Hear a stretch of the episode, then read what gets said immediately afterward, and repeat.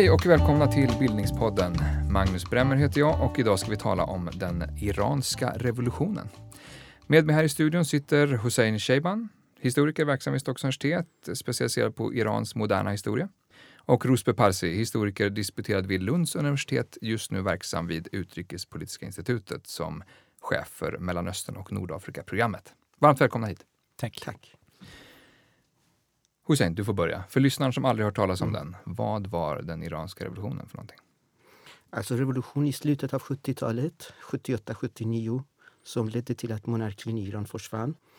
Och det skedde i anslutning med att eh, ayatollah Khomeini som hade gjort sig till ledare som över revolutionen kom tillbaka till Iran.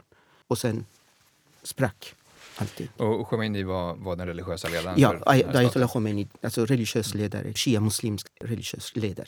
Eh, därefter eh, upprättade man en ny konstitution. Det fanns en folkomröstning där man röstade för en islamisk republik. Mm. Vi ska komma in på alla de här sakerna förstås. Mm. Eh, Rosberg, vill du, vill du säga något mer om, om själva händelseförloppet? Ja, man kan säga upptakten är då att under 70-talet så får Iran en enorm inflation som är så att säga notan som kommer på oljekrisen. Som här var en kris men där innebar enorma nya eh, inkomster för staten. Eh, och shahens så att säga, förmåga att hantera det där försämrades och tilltron hos befolkningen till staten försämrades väldigt mycket. Eh, shahen ska vi säga det, och monarken. Det är alltså monarken, alltså Irans kung eh, eh, sedan 1941. Eh, och vad som händer där då är att de här olika oppositionella grupperna, de kommer mer och mer, som Hussein var inne på, kommer att samlas kring Khomeini som någon sorts eh, förgrundsgestalt. Och det bygger då på att alla de här marxisterna och vänsteraktivisterna tror att när revolutionen väl har lyckats, om den lyckas, så kommer Khomeini på något sätt att liksom pensionera sig till det teologiska seminariet igen. Eh, och låta de här människorna som tillhör framtiden ta över. Mm. Den här oppositionen som du pratar om, den låter ju lite brokig. Liksom. Den är islamistisk och den är vänsterorienterad, marxister. Eh, säg något mer om, om, om, hur det politiska landskapet såg ut. Alltså, Iran har ju haft eh, en revolution tidigare, ska man säga först, 1905-1906. Eh, så det här är den andra revolutionen. Och 1953 så störtas det närmast en folkvald premiärminister i Iran kommer. Just på grund av att han och många med honom ville nationalisera oljan. Det ville inte shahen för han ville inte stöta sig med britterna som var Irans främsta så att säga, allierade i utvinnandet av oljan. Och i slutändan så är det USA som på grund av kalla kriget rycker in och hjälper shahen att återerövra sin tron kan man säga. Mm. Men vad som händer där då det är att vi har så att säga en vänster, vi har en del liberaler och sen har vi en framförallt under 60-talet allt mer framväxande islamistisk kritik mm. mot shahen och den här islamismen kommer också att bli väldigt influerad av vänstern. Det vill säga, enkelt uttryckt kan man säga att de båda sitter i fängelse tillsammans och debatterar allt från Marx till Mohammed mm. med varandra. Så att vi ser också att i Khomeinis språk och många med honom så hittar vi marxistiska element fast nu klädda i grönt, så att säga, klädda mm. i islams färger. Ja, och sen samtidigt är det ju så att um efter 1953 väldigt mycket av politisk organisation som existerade i Iran dessförinnan bröt sönder. Fackföreningar bröt sönder alltså till följd av förtrycket som följde som militärkuppen. Och i början av 1960-talet genomfördes en landreform i Iran som ledde till att den ekonomiska strukturen förändrades. Och eh, förändringen, den ekonomiska förändringen påskyndades till följd av att oljepengarna strömmade in i Iran i början av 1970-talet. Och allt det här ledde till att det var ett nytt samhälle som mötte framväxande protester. Mm. Och den som kunde organisera de här protesterna kunde sitta i ledningen. Och shia-muslimska prästerskapet kunde göra det. Eh, medan de andra grupperna, exempelvis iranska kommunistpartiet som varit verksam före 53 liksom olika gerillarörelser, vänstergerillarörelser som varit verksamma under 1960 och 70-talet. De hade inte möjlighet att organisera folk på bred front. Mm. Och även iranska borgerligheten hade väldigt svaga organisationer till följd av förtrycket. De har inte varit med makten någonsin sedan 1953. Men det var egentligen mer om att man, man slogs om inflytandet än att man samarbetade i opposition? Eller?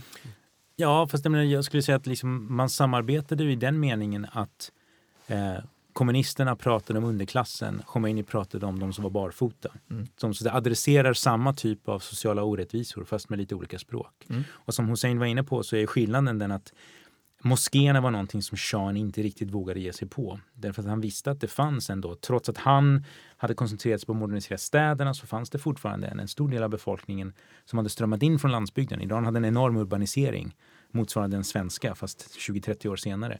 Och de här människorna, deras orientering låg närmare religionen än moderna ideologier. Mm. Så att i det avseendet så slapp moskéerna den typen av repressiv liksom, kontroll som fackföreningar och studentorganisationer utsattes för. Mm. Hussein, du var där när det, ja. när det hände. Ge oss en bild av hur revolutionen såg ut. Um, alltså det som jag kommer ihåg av revolutionen är ju solidaritet framför allt. Alltså det var ju ett folk mm. förenat och en person på den andra sidan shahen.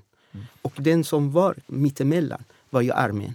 Shahen hade enbart armén att kunna stödja sig på. Mm. Och den så att säga, stora solidariteten så bröts efter februari 1979 till allas krig mot alla. Mm. För att en av de här grupperna skulle försöka eh, höja sig över alla andra mm. och kunna lägga beslag på regimen. Eh, vi, vi, ska ta både en förhistoria och eh, prata ännu mer om revolutionens förlopp. Men eh, när ni hör om iranska revolutionen som den ska säga, återberättas idag, är det någonting ni reagerar på som ni tycker är en missuppfattning eller som behöver korrigeras? Alltså jag, jag var sex år gammal eh, när detta eh, ägde rum eh, och jag växte upp här. Så jag har alltid fått höra så att säga, vänsterversionen av detta kan man säga. Och att den Islamiska republiken ska falla varje år, vilket den inte gjort hittills. Jag skulle säga att det finns, det finns flera olika berättelser. Och en berättelse är att den här revolutionen har stulits av någon. Och jag tycker det är ett intressant ordval, för det ser man ofta. Eh, för det, det liksom ger en föreställning om ägandeskap. Alltså vem var det som drev det här? Mm. Och jag tror att lite grann har att göra med liksom att den, den moderna medelklassen, den sekulariserade medelklassen, där vänstern ofta hörde, såg sig själv lite grann i någon sorts klassisk marxistisk anda som liksom eh, anden som för vidare historien, framsteget. Så att självklart var det de som på något vis ägde. Som en del av en längre revolutionshistoria någonstans? Precis, liksom lite förläst sig på Hegel om man ska mm. vara lite, lite taskig. Som Medan... vi har gjort ett avsnitt om som man kan ja. höra Även Marx. Ja. Men, eh, och du menar här att i, i, i, den här berättelsen är det liksom islamismen som, som stjäl revolutionen från Precis. vänstern? Och, det, och det, här är det, det, här är ju ett klassiskt fel tycker jag på sätt och vis. Alltså det är klart att folk har, har sina stories. Det, det, klassiska felet är ju eh, att islamisterna till skillnad från vänstern planerade för dagen efter. Och islamisterna var en grupp. Alltså Khomeini var verkligen eh, the top dog. Eh, medan om du tittar på vänstern så finns det en brokighet. Det är liksom allt från Fedain till Mujahedin Khalq till Tude och you name it. Det är liksom från de som tycker om Albanien till de som tycker om Mao till och så vidare. Så att de var ju inte eniga egentligen om Marx ens en gång. Eh, än mindre att de var beredda på att de här islamisterna inte tänkte gå hem när revolutionen var över. Och det är också klassiskt i alla revolutioner. Det, det handlar egentligen inte om att få bort den gamla tyrannen. Det är den, den lilla utmaningen. Den stora utmaningen är vem som överlever dagen därpå. Mm. Mm. Mm. Jag håller med det här. Vänstern, alltså jag, jag, tycker inte att de överhuvudtaget kunde jämföra sig med Khomeini. De hade inte som någon organisation överhuvudtaget. Det var ideologiska organisationer, väldigt små. Mm. De hade inte tillräckligt många aktivister. Och medan Khomeini och islamisterna hade hela liksom, nätverket av moskéer runt omkring landet varifrån man speciellt i fattigare områden hade organiserat sedan åratal tillbaka eh, befolkningen i slumområdena. Eh, jag var med. Eh, jag var 14 år när revolutionen liksom ägde rum. Och jag hade en kompis som var anhängare av Khomeini. Och en gång gick jag med honom som till en moské i utkanten av Teheran. Det var ju så att det var Alltså moskén var praktiskt taget ruin. Och slumbostäderna nedbrutna. Men i alla fall, det var en ayatollah, en lärd som höll ett tal först. Och så gick vi tillsammans med islamistiska eh, aktivister in i hemmen och då fanns det en diskussion om mode och modernitet. Att det så att säga, torkar ut folk. Mm -hmm. alltså, det här kanske juni eller juli 1978. Medan motsvarande organisering och motsvarande så att säga, kontakt med befolkning eh, kunde man inte se som bland vänstergrupper eller borgerliga grupper. Mm. De var politiska organisationer, men förutom aktivisterna och kärnorganisationen, politiska organisation, så hade de inte som någon rot i något nätverk i samhället. Mm. Ville de bjuda till demonstration så kunde de inte skapa någon kärngrupp som skulle stå framför kulor mm. och ändå inte gå hem, mm. inte bli skrämd. Men hur, hur... Bara knyta an till det Hussein sa. Alltså jag tror att vänstern, lite grann om man ska vara lite elak, de hade ju diskursiv makt. Vad menar Men, du? Ja, med meningen att deras språk och deras föreställning var ju det som också islamisterna delvis tog över. Jag menar, Khomeini kopierade från, från Marx i det avseendet, eller marxisterna i alla fall. Och det innebär också att om man tittar på det utifrån, vem observerar det här? För de flesta observatörer så var inte Khomeini någon som de kunde se som en trovärdig ledare av en ny stat. Utan då tänker de att det måste ju vara vänstern. Det är vänstern som ordnar revolutioner och skapar modernitet i världen. Så att, det, diskursivt tror jag att alla hängde upp sig på vänstern. Det ser du även i litteraturen om Iran eh, från 70-talet. Den handlar ju alltid om vänsterns eventuella hot mot shahen. Det är ingen som tänker på de religiösa. Sen svänger det där. Läser du litteraturen från 80-talet då handlar det bara om religion. För då ska man överkompensera historie, så att säga, diskussionen till att då, allt handlade om religion. Ingenting hade med klass att göra. Så det är liksom överdrivet åt andra hållet. Mm. Så om man ska vara lite elak så kan man säga så här att de borgerliga organiserade aldrig någonting. De reciterade poesi och drack te. De hade aldrig någon organisation. Nationella fronten möjligtvis på 50-talet lite grann, men det var inte de som fick ut folk på gatorna. Det var kommunisterna som fick ut folk på gatorna på 50-talet. Men när vi kommer till 70-talet, då är vänstern en sorts elitär organisation som diskuterar Marx, Hegel och Plechanov. De, de har inte så mycket för att få in folket. De som då organiserar folk, det är nästa grupp, de yngsta på banan, så att säga, och det är islamisterna.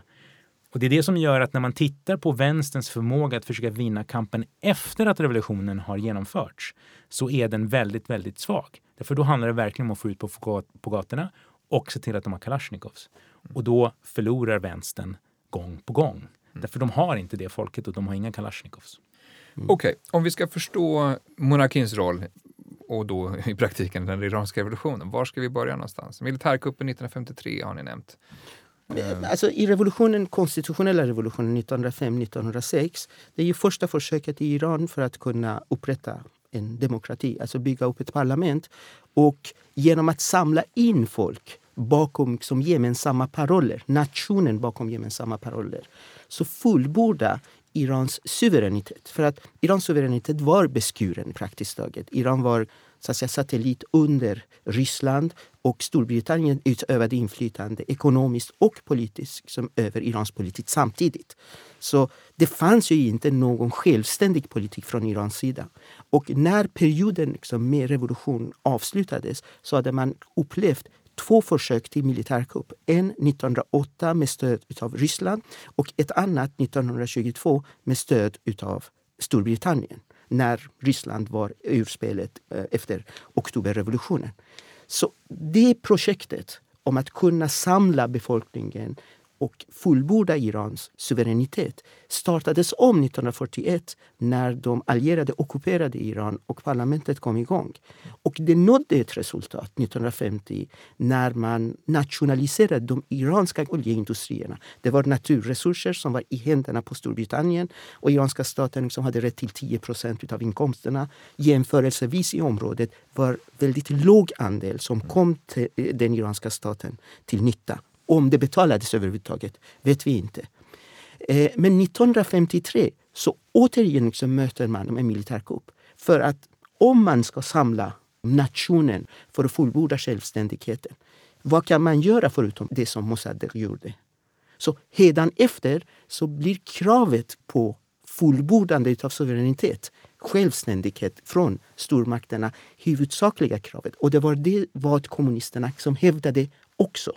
Så militärkuppens funktion var att påskynda den processen? Påskynda den processen. Mm. Och sedan därefter, eftersom Khomeini kunde fånga in kravet på självständighet, kravet på fullbordad suveränitet och självständig politik i förhållande till Sovjetunionen och USA kunde han vinna spelet som Iran efter revolutionen. Men ja, just det, det är först senare. Mm. Det handlar väldigt mycket om, om Irans självständighet det här, mm. eh, både ekonomiskt och, och konstitutionellt på något sätt. Vad, vad eh, påverkan från väst, eh, hur, hur, ser den ut från 50 och 60-talet framåt? Jo, men det är ju så att eh, när kalla kriget bryter ut så att säga, efter andra världskrigets slut så är ju USA den ena polen. Och Iran, precis som Sverige, lever ju i skuggan av den här jätten. Om det sen heter Ryssland eller Sovjet spelar egentligen ingen större roll. Eh, och så för shahens del, som då tillhör en av de konservativa monarkierna i regionen, så är det självfallet så att han måste ha en relation till Sovjetunionen. Men det är USA som är den nya motvikten.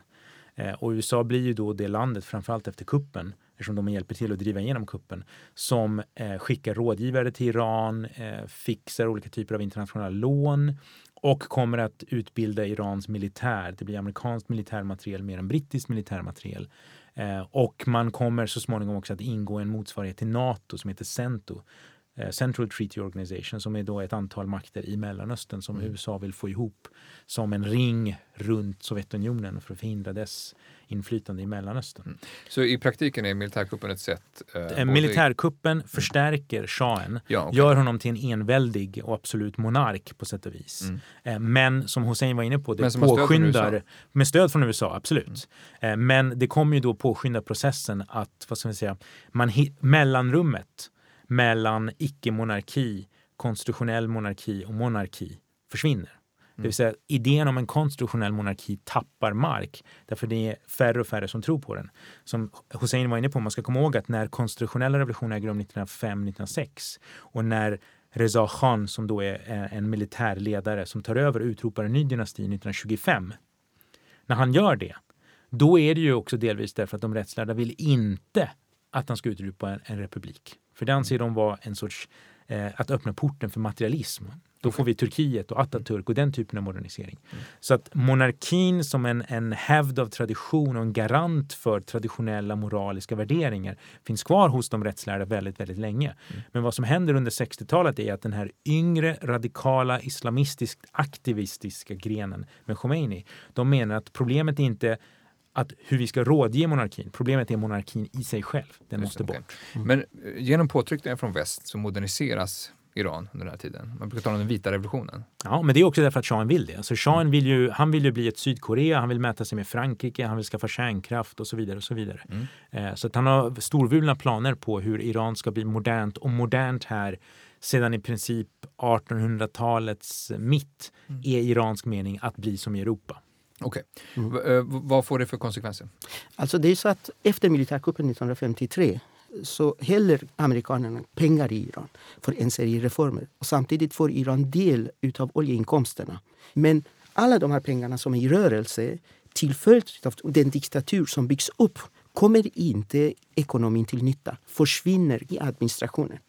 I slutet av 1950-talet så inser amerikanerna att situationen i Iran ekonomiskt och politiskt är inte hållbart med en diktatur som bara slukar pengar och inte gör någonting. Under Kennedy-administrationen så trycker man på shahen för att låta den iranska borgerligheten som blivit av med makten 1953 och delta i regeringen. Och det är för att bygga en bas för den här staten som på sikt är allierad med USA tillsammans med Israel i Mellanöstern utgör basen för amerikansk politik i området. Eh, shahen vägrar. Eh, Nationella frontens ledare också vägrar. De som sitter i fängelse. De vill komma överens med shahen. Och shahen 1962 utropar en egen plan.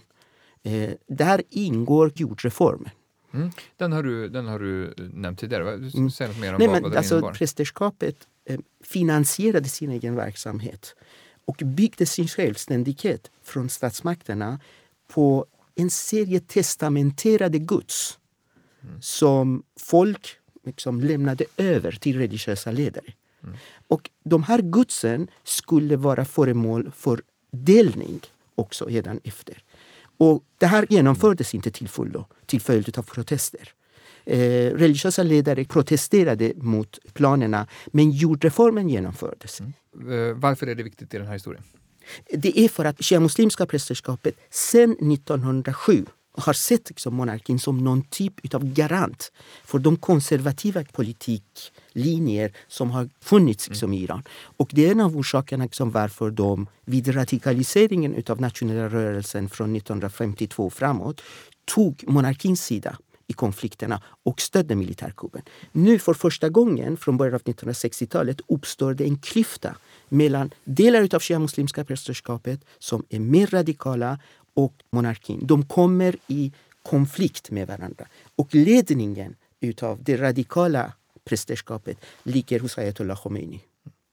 Eh, och en annan punkt som han protesterar mot är att kvinnorna får rösträtt. Det är en annan sån reform. Som... Det är en annan reform. Och en tredje punkt som han protesterar mot är att amerikanska, amerikanska militärer och rådgivare som var stationerade i Iran, eh, de fick slippa undan iranska rättsväsendet och istället ställas inför rätta för sina förseelser vid amerikanska domstolar. Mm. Ju längre fram vi kommer här så kan man säga att både, Iran både moderniseras men blir också allt mer av en eh, monarkisk diktatur. Ja. Eh, och det som är intressant kanske som folk inte riktigt kan få ihop det är ju att den här moderniseringen gäller ju Khomeinis grupp i lika stor utsträckning. Det vill säga att folk tenderar att tro att ja, men det här var någon sorts traditionell reaktion. Det var kanske en traditionell reaktion i meningen konservativa värderingar. Men i termer av metod, i termer av språk och i termer av vad man så småningom blir tvungen att utveckla för sorts eh, principiellt program, som idéprogram, så tycker jag i alla fall att det är väldigt, väldigt modernt. Jag menar, hela idén som Khomeini har som så att säga, ledstång genom hela revolutionen och som är det som definierar den Islamiska republiken idag. Det är ju en föreställning om den högste rättslärde, alltså en rättslärd som ska styra istället för att rådge. Och det här bygger då på en föreställning som finns i de flesta juridiska system, nämligen om förmyndarskap. Mm. Men han tar förmyndarskapet som man då traditionellt kan tänka sig ha för minderåriga eller i islam även andra religioner för änkor. Det vill säga ta hand om deras affärer för att de är så att säga inte legala entiteter på det viset. Det tar han och blåser upp för en hel för en hel nation. Staten ska styras på det viset. Allt det där är uppfinningar. Det finns ingen liksom, tradition av det inom islamisk teologi, i alla fall inte shia-islams teologi, mm. att styra staten på det viset. Så där men det är ändå väldigt konkret skillnad om man, huruvida kvinnor har rösträtt eller inte. Så att säga. Jo, absolut. Men, jag menar, men, då, men vad det handlar om är ju så att säga, modernitet är många olika saker. De är inte alla så att säga, konsekventa med varandra. Eh, så att i det här fallet så, så är det viktigt att komma ihåg att det Khomeini påbörjar och som kommer att slutföras delvis av honom själv på 80-talet och än, än idag. Det är ju en, det är en nymodighet mm. inom den teologiska traditionen också. Okay. Men är, är, kvinnlig rösträtt till exempel, är det någonting som som Sean och själv är för eller är det mer en eftergift till nej, men, nej, jag tror att han är för det. Eh, men man ska komma ihåg att den iranska staten, oavsett vem som har styrt den, precis som de flesta stater i Mellanöstern, de har inte problem alltid med idén. De har problem med ägarskapet. Det vill säga, eh, hela monarkin under 1900-talet är för kvinnors, eh, så att säga, kvinnliga, kvinnors rättigheter och utveckling. Men de vill äga processen. Mm. Så hans far eh, stänger ner en massa flickskolor för att sen öppna dem igen i statlig regi. På samma sätt som Mohammed bin Salman idag är för kvinnors rättigheter om det är han som ger dem. Inte om kvinnorättsaktivister kräver dem. De kan inte få igenom det, för då äger de det. Mm. Utan så länge shahen eller staten äger det, då kan han också ta tillbaks det. Mm. Och sen är det ju så att eh, iranska revolutionen i sig var inte mot kvinnornas rösträtt. När det gäller civillagstiftningen så lade man det på is. Men när det gäller kvinnornas rösträtt så ifrågasatte de aldrig det. Man kan tvärtom säga att man ökade kvinnornas delaktighet i politiken dessutom. Efter revolutionen? Alltså, det var ju ingen av de religiösa ledarna som satt i ledningen som motsatte sig det. Det var eh, revolutionen i det avseendet inte fortsättning på protesterna 1963. Mm. Alltså, 1963 var ju så att den iranska marknaden hade öppnats för utländska varor. Och tullskydd som eh, alltså skyddade iranska traditionella varor hade tagits bort. Så man ser samtidigt att delar av den traditionella medelklassen stationerat i basarerna, hantverkare som producerade gamla typer av skor eller kläder konkurreras ut samtidigt som protesterna som startar. Khomeini tar den här protesten och kanaliserar det och leder det mot shahen. Det slås ner för att shahen har ett reformpaket att ge. Men så att säga, missnöjet och parollerna hänger kvar. Mm. Och parollerna är riktade mot monarkin. Och det är det han tar igen 1978 när protesterna börjar igen. Ungefär som samma typ av befolkning. Folk som, som har ruinerats av den moderna utvecklingen och inte ser någon framtid i det ekonomiska system som håller på att växa fram. Och det är ändå äh, ganska många år kvar till själva revolutionen, men mm. redan här börjar ett missnöje växa. Mm. Och Ruhollah Khomeini kommer in på banan här kan man säga. Vad, vad, säg något mer om, om, om honom. Khomeini var ju okänd praktiskt taget för huvuddelen av iranierna. De som varit med 1963 kände honom.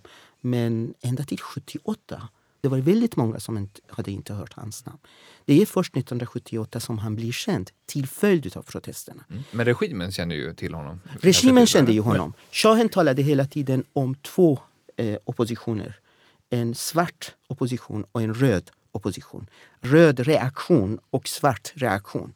Och han såg sig så att säga som revolutionär för att han hade genomfört den vita revolutionen med det här reformpaketet. Monarken sågs Monarken, som en, som ja. en revolution. Ja, den röda är då vänstern och den svarta är de rättslärdas. Mm. Eh, och då kan man säga att det som gör att Khomeini som relativt ung eh, men up and coming rättslärd där på 60-talet kan få den positionen får. Det är därför att till skillnad från i den sunnimuslimska världen så är den shia-muslimska teologiska strukturen, den är ju kollegial. Det, vill säga om du, det, är, det är i princip mer eller mindre samma sak som professorssystemet som vi har haft innan staten så att säga, började kontrollera allt för mycket universitetens funktioner. Det vill säga att ingen av de här är egentligen högre än någon annan. Alla ayatoller är lika mycket värda. Sen är det upp till dem själva om de kan dra in pengarna och hur många studenter de får beroende på hur populära de är. Men du kan så att säga inte som i den katolska kyrkan, du kan inte eh, exkommunicera någon från det här, den här strukturen. Mm. Därför att det finns ingen högst upp.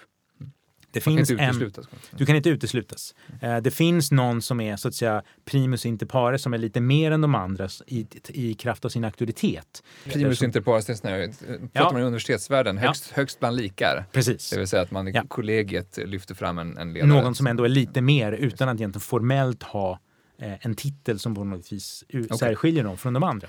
Eh, Khomeini blir ju, blir ju ett, ett hot mot regimen. Hur, hur, hur börjar det? Man kan säga så här att det som gör att Khomeini kan komma undan med det han gör mm. är därför att i det här kollegiala systemet så även om han så är på utkanten så finns det ingen som kan utesluta honom. Utan han så att säga, tolereras av sina kollegor. Eh, och det där utnyttjar ju han till fullo. Och vad som händer är, är, är, att shahen ser ju att det här är den personen som ställer sig emot honom.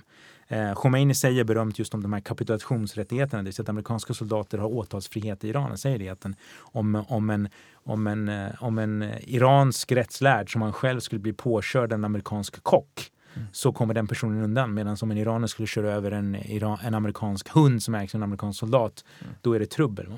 Så att eh, shahen ser just Khomeini allt mer som en sån figur som till slut skickas i exil. Han är delvis i Turkiet och sen så skickas han till Irak och när shahen lägger tryck på Saddam Hussein i Irak så, så skickas han i exil till Frankrike, vilket då visar sig vara ett enormt misstag. Okej, okay. um, spännande, det återkommer vi till. um, när börjar liksom, monarkin spricka någonstans? Spricka gör den inte, men Nej. kontakterna, möjligheten att kommunicera med samhället begränsas från 1960-talets slut och framåt. Alltså, I slutet av 1960-talet är det flera vänsterorganisationer, statsgerilla som organisationer som börjar militär kamp mot shahen. Och det är riktat väldigt många gånger mot amerikanska rådgivare i Iran. Eh, det är två grupper. En av dem är islamistisk som vänstergrupp. Eh, har kallats för islamiska marxister som också är folkets mujahedin. Och en annan som är folkets fedain. Det är mm, mm, mm, eh, vänstergrupper, som liksom marxistiska grupper. Och eh, till följd av det så förstärks det förtryck som har existerat sedan liksom 1953. Alltså, dittills så kunde man ändå hitta böcker från kanske Marx, till och med från Lenin. Men nu försvinner allting. Mm. Det blir en röst på en sida. Och uttrycket för det blir att shahen 1973 upplöser de två partier som han själv har bildat i början av 1960-talet för att representera medelklassen i ett parlament i vars val ingen deltar. Mm. Och upprättar ett nytt parti som ska vara det enda partiet. Så det går från någon slags en politisk kuliss av demokrati till att bli en renodlad diktatur ja. i stort sett? Vad är det praktiken som förändras kring oljan och, och ekonomin för Iran i det här läget? Ja, så vad som händer är att Irans oljeinkomster fyrdubblas inom loppet av ett och ett halvt år. Eh, och det innebär att alla de här femårsplanerna, för det är också en sån ironi att, att det här kapitalistiska iranska systemet använder sig av samma planorganisation som vilket hederligt östland som helst. Med femårsplaner, med hur, mycket, hur många fler kilowattimmar som ska produceras, hur många fler sjukhussängar och så vidare. Och så vidare. Eh, och det är ju en del av moderniseringen som ändå så att säga fungerar. Om Iran får många fler sjukvårdsplatser och så vidare. Så det är inte att det bara hittar på. Men vad som händer där på 70-talet är att plötsligt så har man dubbelt så mycket pengar per femårsplan än vad man hade när man planerade de här, den här femårsperioden. Eh, och de där pengarna kan inte landet absorbera. Alltså ekonomin växer ju inte. En ekonomi växer inte med 100 procent. Så det genererar en enorm inflation. Därför du pumpar in en massa pengar i ett system som inte kan absorbera det. Och det gör ju då att de som redan är fattiga och möjligtvis har lite kontanter i handen, de kontanterna blir ännu mer värdelösa än vad de var. Mm. Medan den som har fast egendom eh, kan klara den krisen därför att den fasta egendomens värde så att säga, nedvärderas inte i samma utsträckning. Mm. Guld är guld, en bostad är en bostad, men, men 10 eh, kronors lappen är ju bara 7 kronor nästa år om det är 30 procents inflation. Så i det här läget, det förstärker monarkin? Det förstärker monarkin ekonomiskt, men samtidigt som Hussein var inne på så finns en annan aspekt av detta. Det är att det här är ju en monarki. Och precis som i alla hederliga monarkier så finns det ett hov. Och i hovet så sitter folk antingen för att de är kompetenta eller för att de är bra på att vara ögonkännare. Och det kan vi också se att kretsen kring shahen blir allt mer obenägen att berätta för honom hur det så, faktiskt ligger till i landet. Mm. Så att vi får också en effekt av att shahen blir allt mindre i det avseendet om inte informerad så i alla fall allt mer out of touch. Mm. Med vad längre som händer. längre ifrån sitt eget yes. land. Det är ett ganska klassiskt mm. revolutionsförlopp ja. för ja. um, Okej, okay, men uh, så, så, när börjar det bränna till på allvar? Liksom, vi närmar oss 78-79. Jag skulle säga att 1977 så har en del av de här, vad heter det, dels har du en del demonstrationer, du har också stora elavbrott och andra sådana tecken på att liksom allting funkar inte riktigt.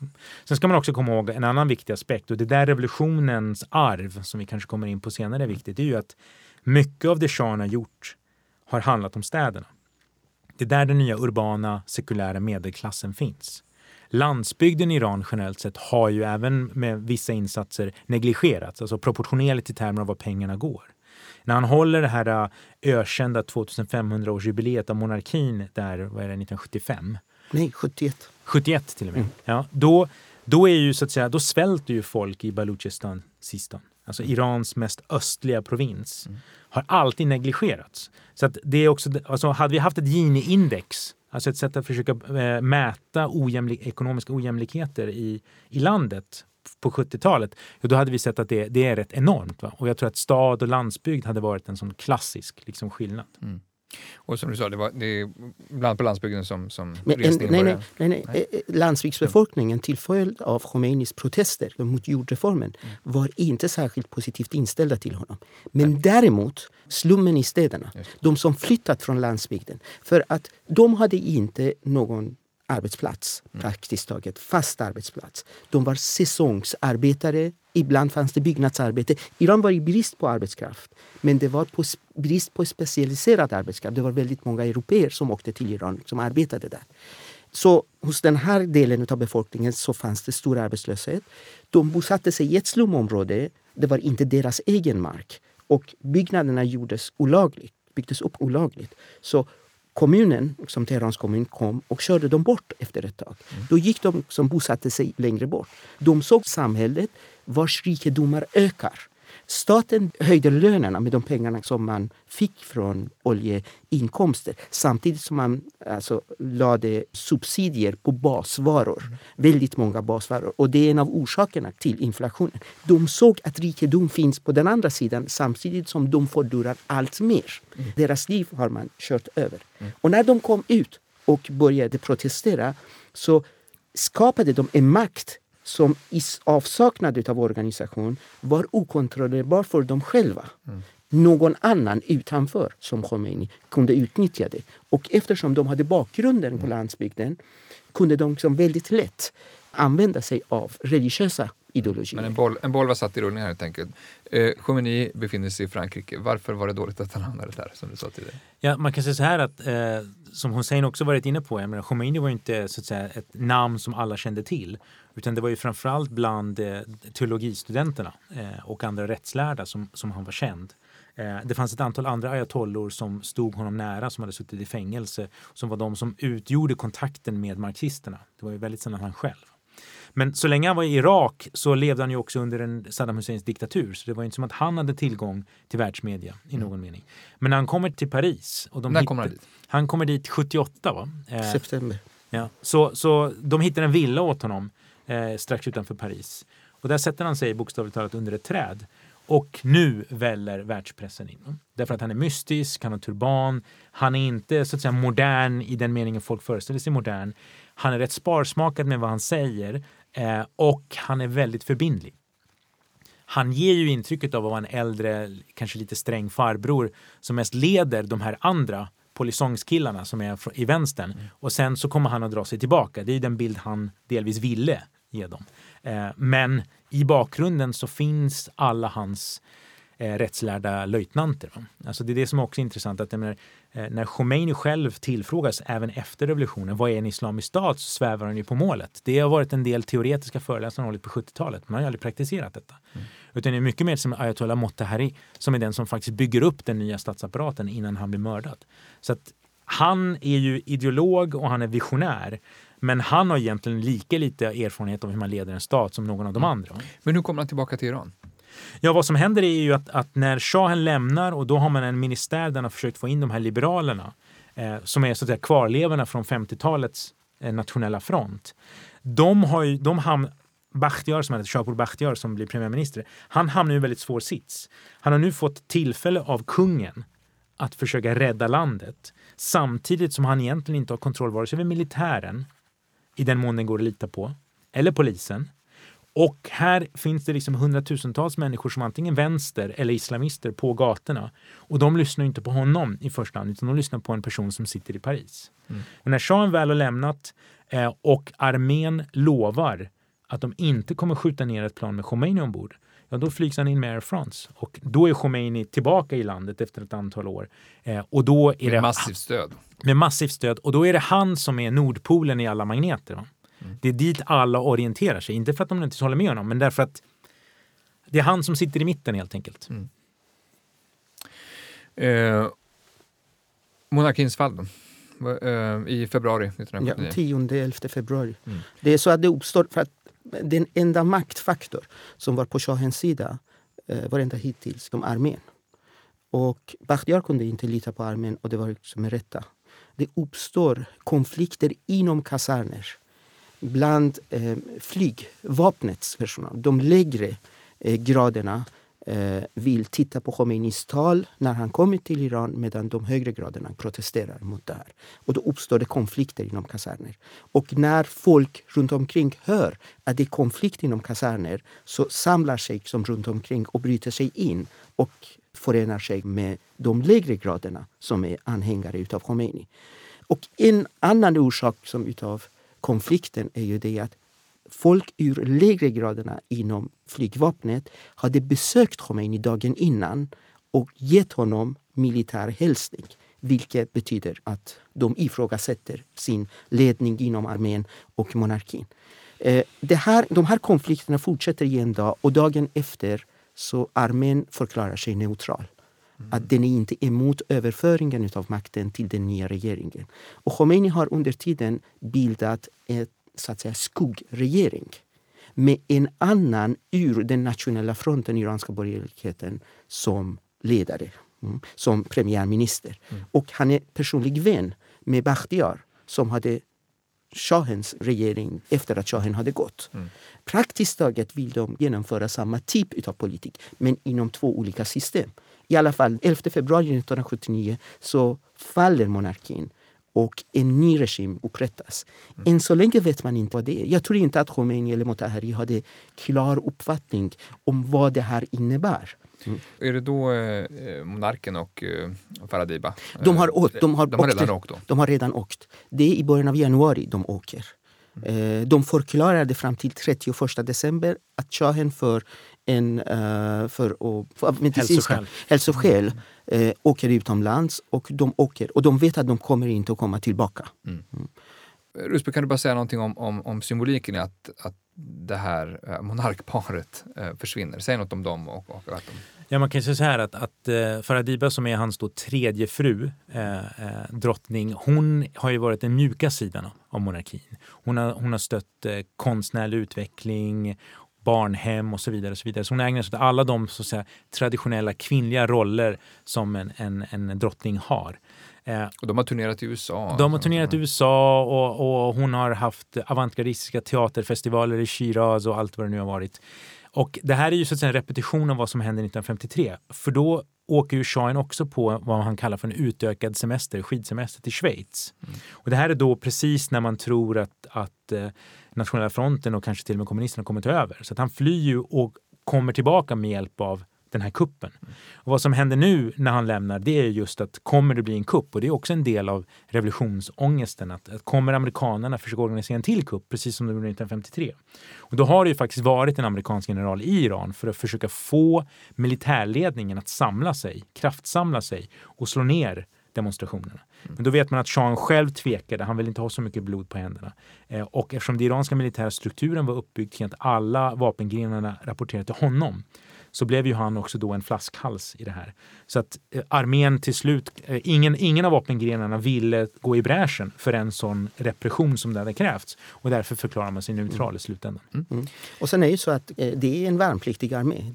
När du ger vapen till en värnpliktig och säger skjut mot folk, mm. Kanske som skjuter han första gången, andra gången, men tredje gången så vägrar han göra det. Och armén höll på att bryta sönder eh, i början av 1979.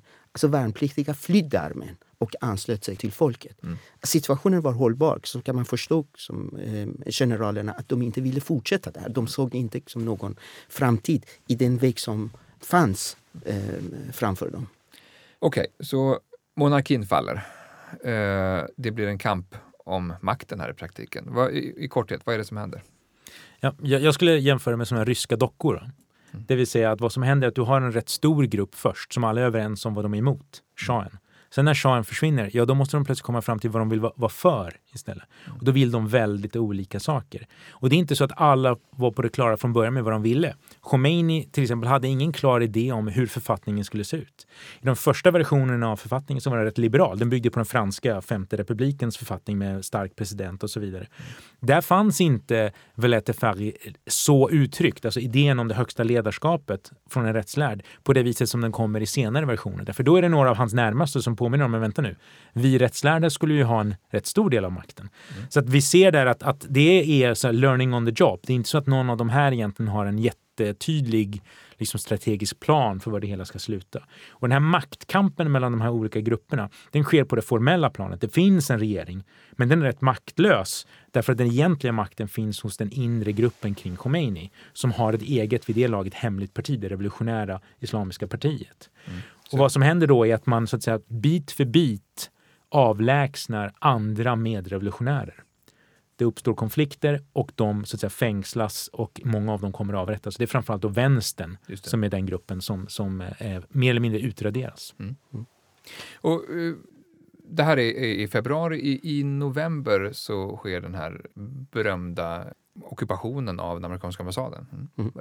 Uh, varför, var, varför hände det? Det är ett antal studenter som i november 1979, radikala islamistiska studenter, hoppar in från muren på amerikanska ambassaden in och tar ambassadpersonalen till gisslan. Och Khomeini sätter kraft bakom dem och stödjer dem. Och till följd av det så leder han den rörelse som hade börjat avlägsna sig från honom och rikta sina paroller mot hela statsapparaten där Khomeini var en del. Och då kan han använda det mot USA och på det sättet få hegemoni över hela rörelsen. Det är så att ända hittills, ända till november, så regeringen har försökt, Khomeini, inklusive Khomeini, har försökt att befästa sin makt över olika delar av landet. Och praxis har misslyckas. Och Khomeini behöver ju någonting här. Och alla då efter ockupationen av den amerikanska ambassaden förenar sig runt Khomeini mot USA.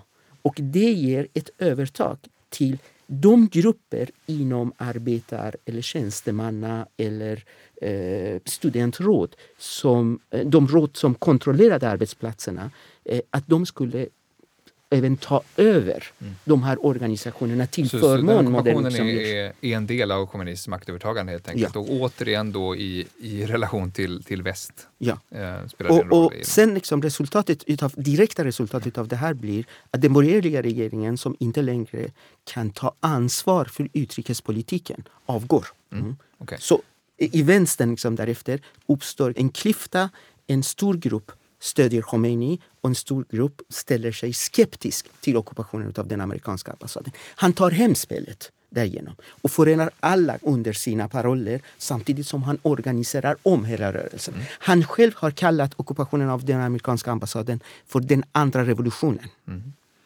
Det intressanta där är ju att han var inte med på planerna från början.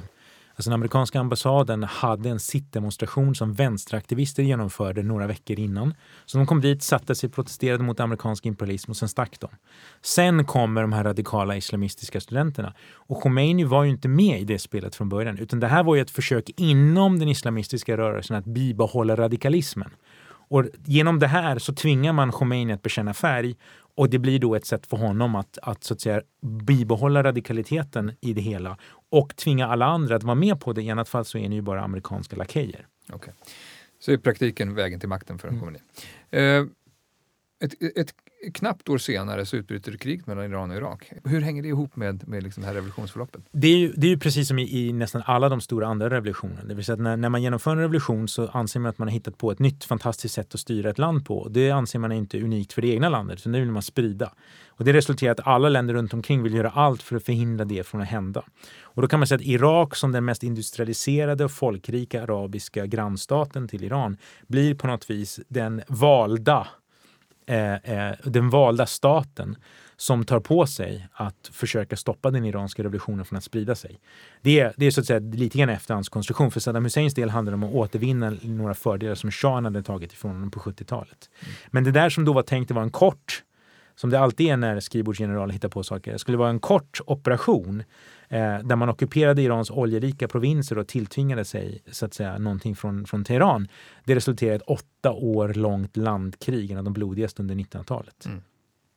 Men, men, ambitionen där är att i, i, inte att, eh, så att säga, vrida tillbaka revolutionen utan med att kontrollera utvecklingen och, och riskera spridning som du sa? Ja, man ville, man ville stävja den här revolutionen från att sprida sig. Saddam Hussein ville vinna några fördelar, men jag tror inte vad tanken var att man skulle vara där långsiktigt. Mm. Men för Khomeinis del så är det här precis som ambassadockupationen. Det är ju lite grann av en sorts eh, eh gåva. Mm. Därför nu med kriget som ursäkt så behöver man inte anstränga sig särskilt mycket för att infria någon av revolutionens löften. Mm. Allt var yttrandefrihet, demonstrationsfrihet, alla de sakerna som gjorde revolutionen möjlig och som revolutionen skulle bygga vidare på. Allt det där lägger man lock på. För nu handlar det om staten och landets säkerhet mm. och då blir kriget det man mobiliserar alla kring. Vi, eh, på vägen fram till revolutionen här så har ni gjort några nedslag där så att säga, hela Irans konstitution någonstans stod på spel. Och det är demokratiseringsprocesser, det är tryck från olika håll. Um, om man ska dra eh, om man ska göra liknande nedslag från uh, revolutionen fram till idag, var, var har vi de uh, punkterna där, där saker och ting står på spel igen? Så att säga? Jag skulle tro att om 10-15 år så kommer det uppstå en enorm uppslitande diskussion, den har redan funnits i små delar, om vad som hände 82-83.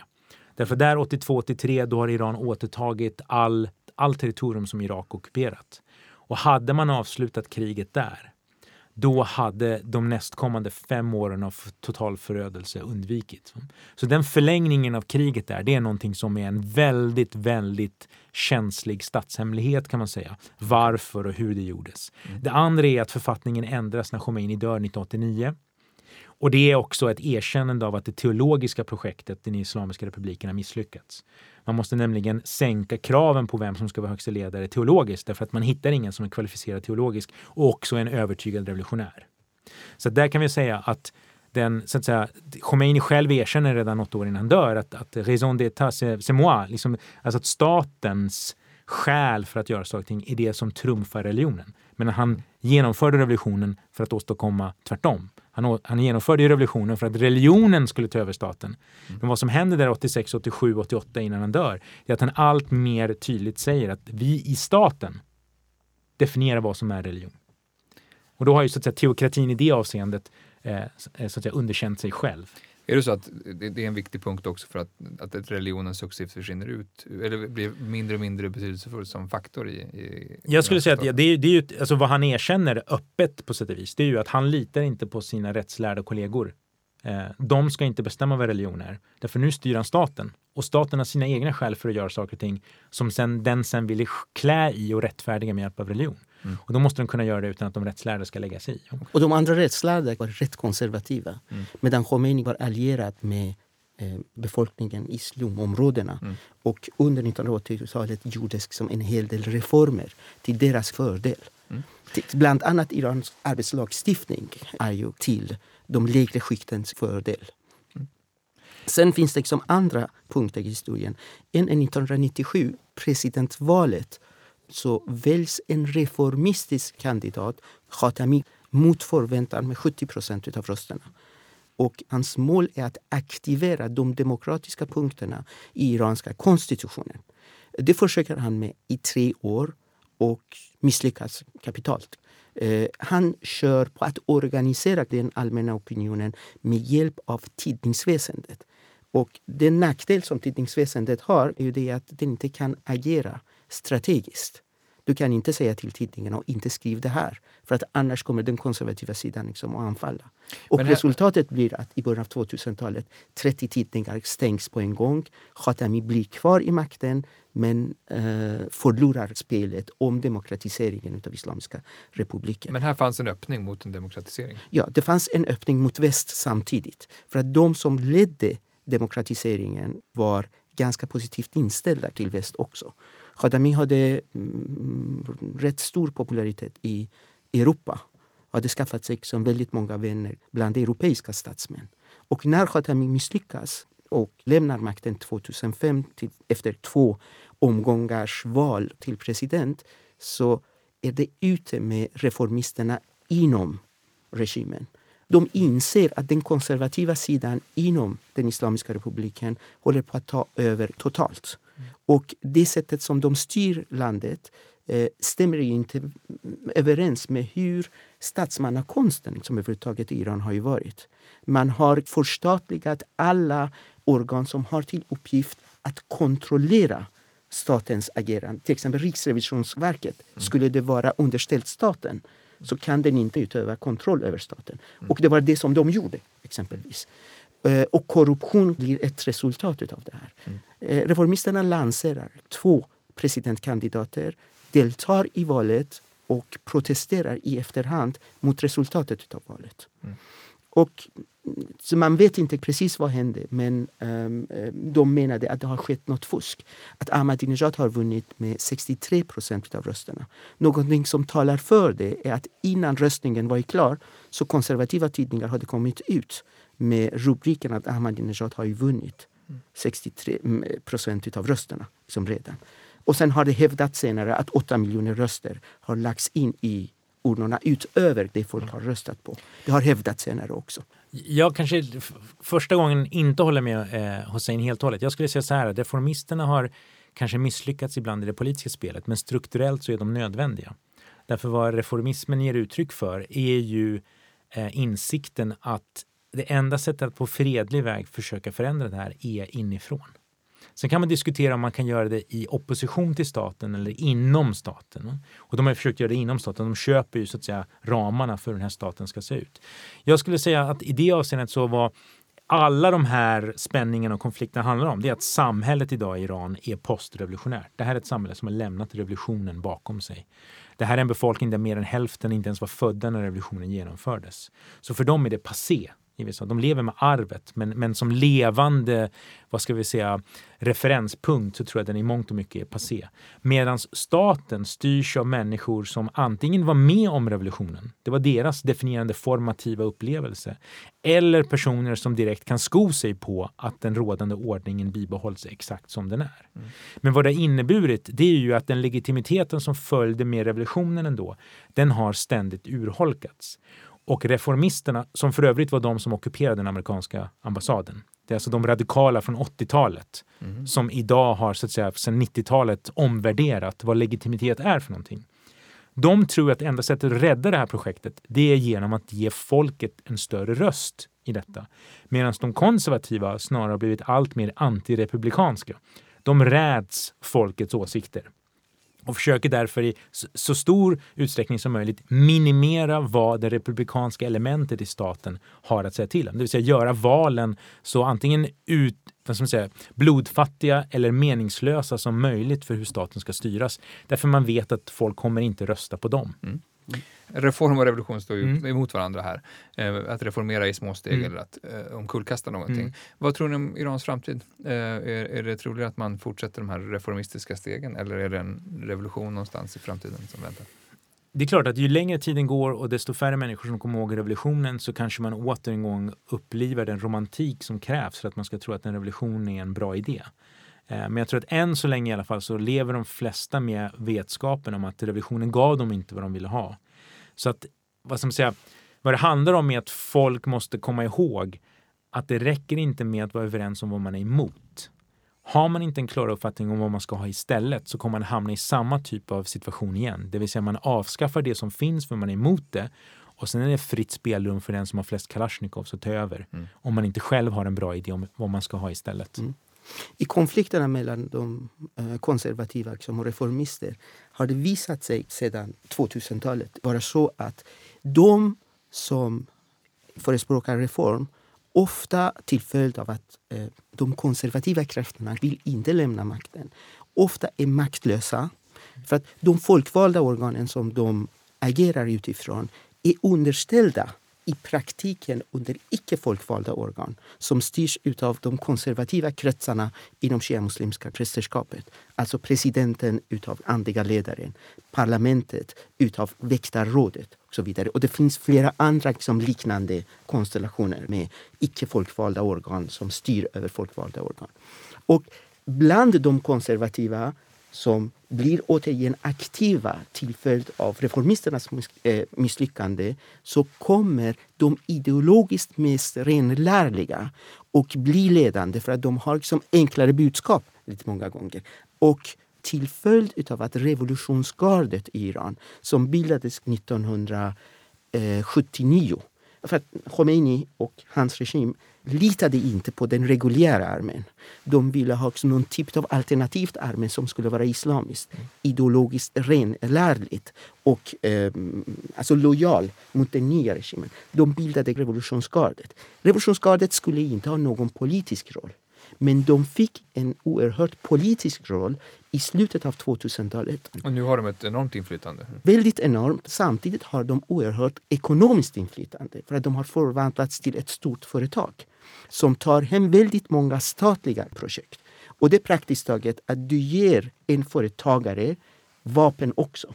Då släpper man inte ekonomin och då försöker man utöva makt på utgången av olika ekonomiska projekt med hjälp av vapen också. Och det som vi ser nu under det senaste halvåret är att exempelvis protesterna mot höjningen av priset på oljan slogs ned av polisen och revolutionsgardet som inte lider praktiskt taget under regeringen. Mm. Utan förmodligen liksom besluten har ju fattats någon annanstans hos den andliga ledaren och revolutionsgardet. Och de framställer det här som någon typ av konspiration från utländska makter för att få den islamiska regimen och falla sönder, komma på knäna. och även nu, nedskjutningen av det eh, ukrainska planet över Iran, det var revolutionsgardet som sköt ned. Och i tre dagar höll man liksom hemligt och på fredagen, alltså tre dagar efter, mm. så informerade man tydligen regeringen och det var då det blev avslöjat liksom vad det var. Medan regeringen i tre dagar hade eh, så att säga, talat om liksom, att man absolut är säker att det är inte de egna trupperna som skjutit ned. Och det här hänger ju också ihop med, med en upptrappning från väst, eh, ja. USA och Trump-regimens ja. eh, angrepp mot Iran. Ja. Detta eh, har ju precis hänt, men hur tror ni att det kommer påverka Irans politiska framtid? Ja, men man kan säga att på sätt och vis så går det tillbaka till revolutionen igen. Därför att antiamerikanismen var ju en av de sakerna som förenade alla de revolutionära grupperna, nämligen USA som shahens främsta understödjare. Och det är också en av de få revolutionära parollerna som man insisterar på att alltid skandera när man då eh, så att säga firar revolutionsdagen när Khomeini kommer tillbaka i februari varje år. Så att man kan säga att för en del av den politiska eliten i Iran så är antiamerikanismen den är nödvändig för det finns inte så mycket annat att hänga i en flaggstång i termer av revolutionärt arv. Eh, för andra som har radikalt omvärderat revolutionen så är det ju bara ett problem. Därför att man inser att förr eller senare så måste man komma till någon sorts eh, biläggande av tvisten med USA för att kunna få en utveckling i landet. Det går liksom inte att komma undan det. Men frågan är om det kommer före eller efter ett krig. Mm. Vi tar det som slutord. Stort tack Ruspe Parsi och Hussein Sheiban mm. för att ni ville vara med i Bildningspodden. Tack. Tack också ni som har lyssnat. Vi är tillbaka om ett par veckor med en ny bildningspodd. Eh, ni kan ju gå in på anekdot.se och hitta alla Bildningspoddens avsnitt där och lyssna på några. Några som har blivit aktuella här har ju varit både om eh, filosoferna Hegel, Karl Marx, franska revolutionen kanske. Eh, vi är snart tillbaka. Tack. Hej. Du har lyssnat på Bildningspodden, en del av bildningsmagasinet Anekdot. Podden spelas in på Språkstudion och ljudproducent är Kristin Eriksdotter Nordgren. Fler poddar, filmer och essäer hittar du på anekdot.se.